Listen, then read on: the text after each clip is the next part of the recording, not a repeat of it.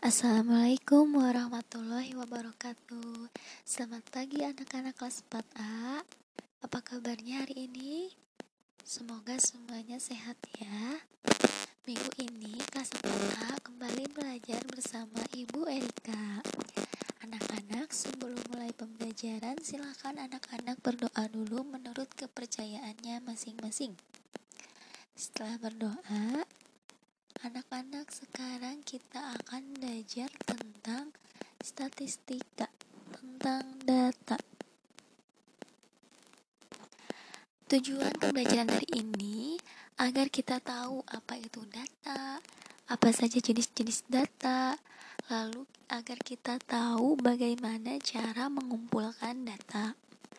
Pada pembelajaran matematika sebelumnya, anak-anak sudah belajar tentang garis dan sudutnya. Sekarang kita beralih ke materi statistika tentang data. Anak-anak harus tetap semangat ya belajarnya walaupun belajarnya masih di rumah.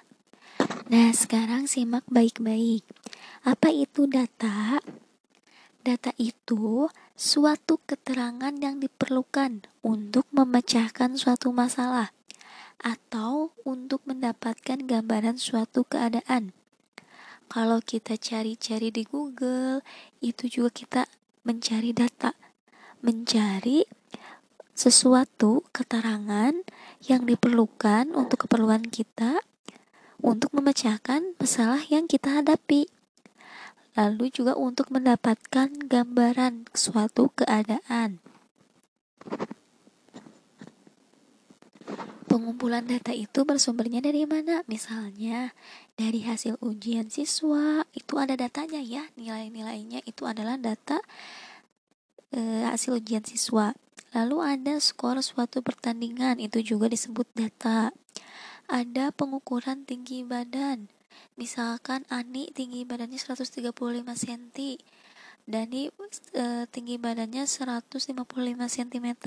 Itu juga disebut dengan data. Lalu juga ada pendataan penduduk dan lain-lain. Lalu ada juga jenis-jenis data. Yang pertama, menurut cara memperolehnya.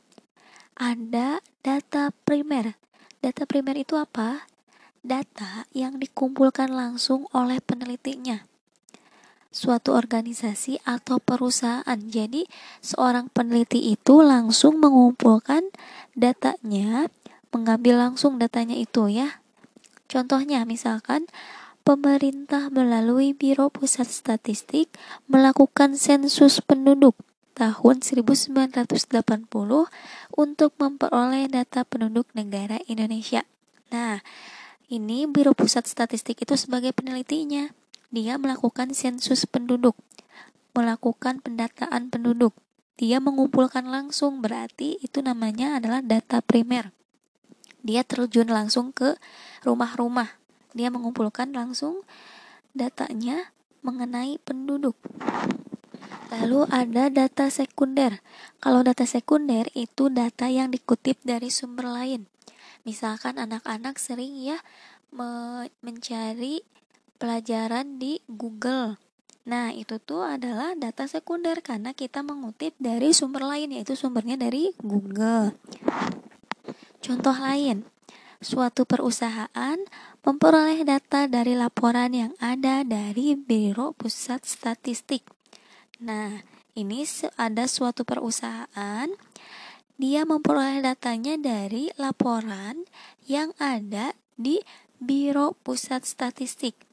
Jadi perusahaan itu tidak mengumpulkan datanya langsung.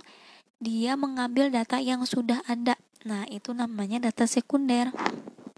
Lalu ada jenis data menurut sifatnya. Ada data kualitatif. Data kualitatif itu data yang tidak ada angkanya. Data yang tidak dalam bentuk angka. Misalnya, mutu barang di supermarket X bagus atau jelek. Itu adalah data kualitatif, bagus atau jelek.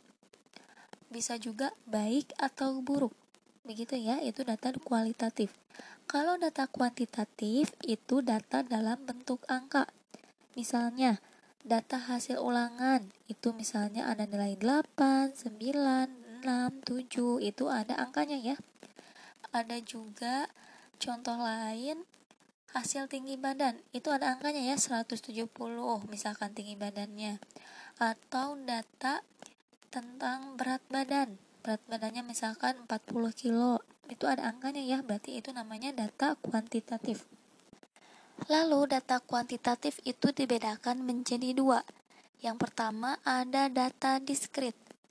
Apa itu data diskrit? Data yang dikumpulkan merupakan hasil membilang Contohnya, keluarga Pak Amir mempunyai tiga anak laki-laki. Anak pertama, anak kedua, anak ketiga.